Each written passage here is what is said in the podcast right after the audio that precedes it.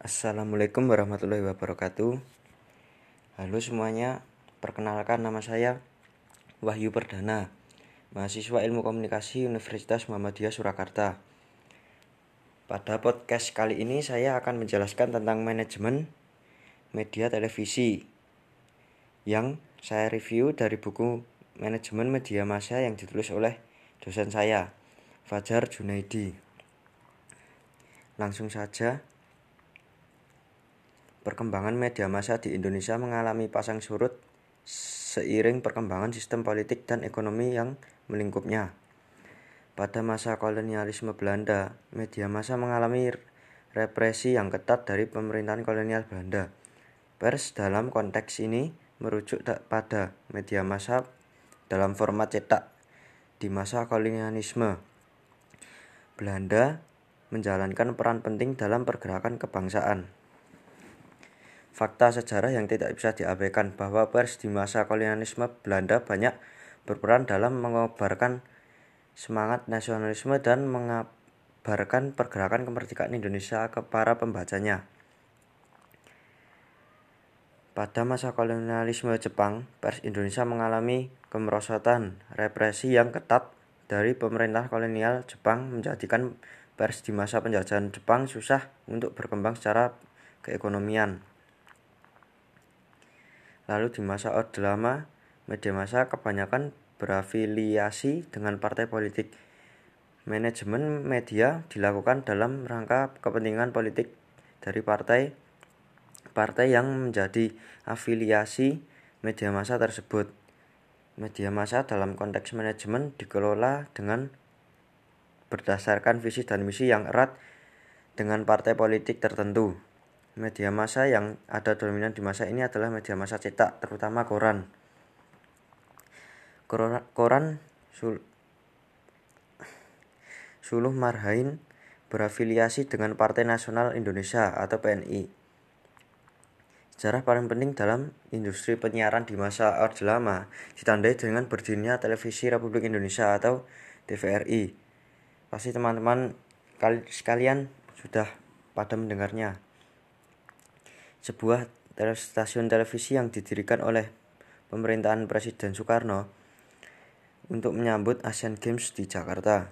Pendirian stasiun televisi ini dilakukan secara cepat dengan bantuan asistensi ahli-ahli yang didatangkan dari luar negeri untuk mengejar momentum Asian Games. Dengan segala persiapan yang terbatas, TVRI akhirnya mengudara dengan jangkauan Jakarta.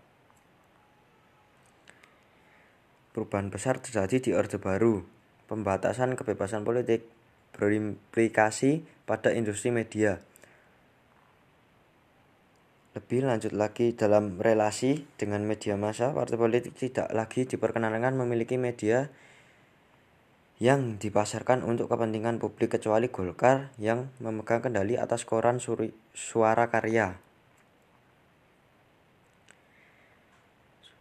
Kondisi ini berbanding dengan di masa Orde Lama, terutama sebelum demokrasi terpimpin di bawah kendali partai politik. Jika pun tidak menjadi bagian dari partai politik, media massa tertentu memiliki kedekatan ideologis dengan partai politik tertentu. Stasiun radio swasta diwajibkan merilai siaran berita dari Radio Republik Indonesia atau RRI. Stasiun radio ini secara mutlak manajemennya dipegang oleh birokrat pada masa Orde Baru sehingga dari sisi manajemen juga tidak banyak berkembang. Relay berita ini berlangsung hampir setiap satu jam seiring berita yang disiarkan RRI. Dominasi TVRI atas langit penyiaran terberhenti akhir dekade 1980-an ketika Raja Wali Citra Televisi Indonesia atau RCTI diberi izin mengudara secara terbatas di Jakarta. Stasiun televisi swasta juga diwajibkan untuk merilai siaran berita dari TVRI. Praktis stasiun televisi swasta di masa awal diberi izin mengudara untuk berkutat pada isi siaran yang bersifat hiburan. Di tengah tekanan pemerintah yang ketat, RCTI mengawali siaran berita bernama Seputar Jakarta. Pada pertengahan dekade tahun 1990-an, pemerintah semakin melonggarkan televisi swasta dalam menyiarkan berita walaupun tetap mengontrol langit penyiaran. Namun perkembangan selanjutnya terutama pada sekitar reformasi 1998 menjadikan berita di stasiun televisi swasta semakin banyak mengangkat isu politik. Industri film Indonesia sempat mengalami masa kejayaan di tahun 1970-an. Setidaknya dilihat dari kualitas film yang diproduksi. Sejak awal dekade 1990-an, industri film nasional mulai goyah.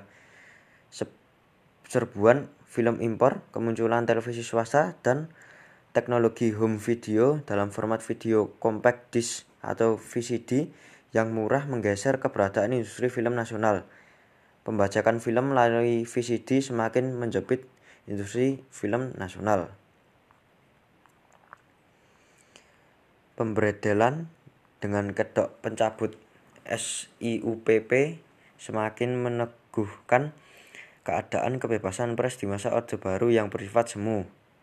Media massa seolah dibiarkan untuk memberikan memberitakan secara objektif, namun di balik itu pemerintah selalu mengawasi pemberitaan media massa regulasi baru yang lebih demokratis yaitu Undang-Undang Nomor 40 Tahun 1999 tentang pers dan Undang-Undang Nomor 32 tentang penyiaran membawa aplikasi besar bagi kehidupan media. Pertumbuhan pesat media massa pasca Orde Baru ini juga berimplikasi pada persaingan media massa dalam analogi bahwa media massa adalah sama dengan makhluk hidup, media massa harus bisa bertahan atau survive. Dalam tatanan yang demo, dalam tatanan media yang demokratis, media massa dituntut untuk dikelola dengan menggunakan prinsip manajemen media yang profesional. Hal ini juga yang terjadi pada institusi media yang selama Orde Baru yang dikuasai oleh pemerintah RRI dan TVRI diubah statusnya menjadi lembaga penyiaran publik sebagai implikasi yang dari pemberlakuan undang-undang penyiaran.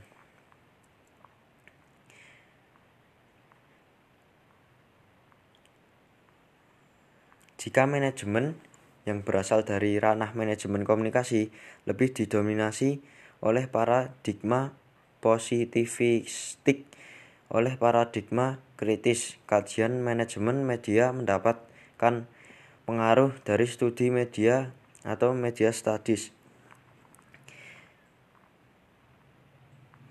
Akar manajemen media tersebut di sekaligus menjadi titik awal untuk melihat tentang apa yang dipelajari dalam manajemen media. Kita dapat menganalogikan media sebagai makhluk hidup, di mana media tumbuh hidup berkembang untuk mempertahankan hidupnya. Jika mampu mempertahankan hidupnya, media akan mati jika tidak mampu. Untuk mempertahankan hidupnya inilah media memerlukan pengelola yang dilakukan dengan menggunakan teori-teori manajemen.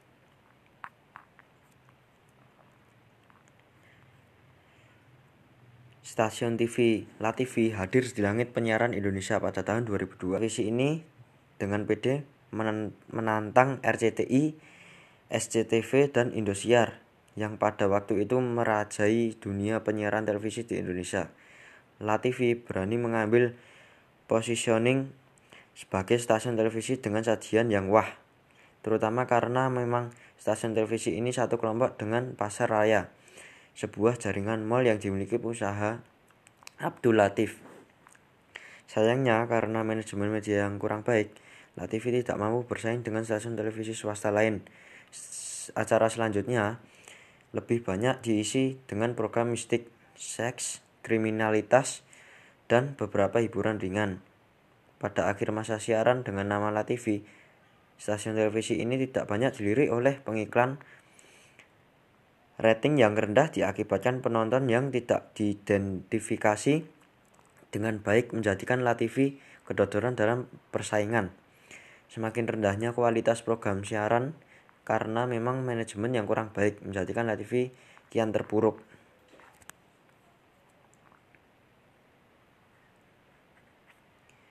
Mengelola bisnis media memerlukan profesionalisme tinggi. Hal ini disebabkan padat modal dengan tingkat persaingan yang tinggi.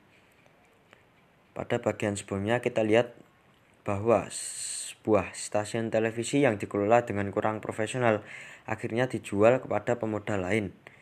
Hal seperti ini tentu dapat semakin mungkin terjadi jika para pengelola media televisi yang bisa disebut sebagai bisnis media yang paling banyak menyerap modal tidak mengolah media dengan profesional.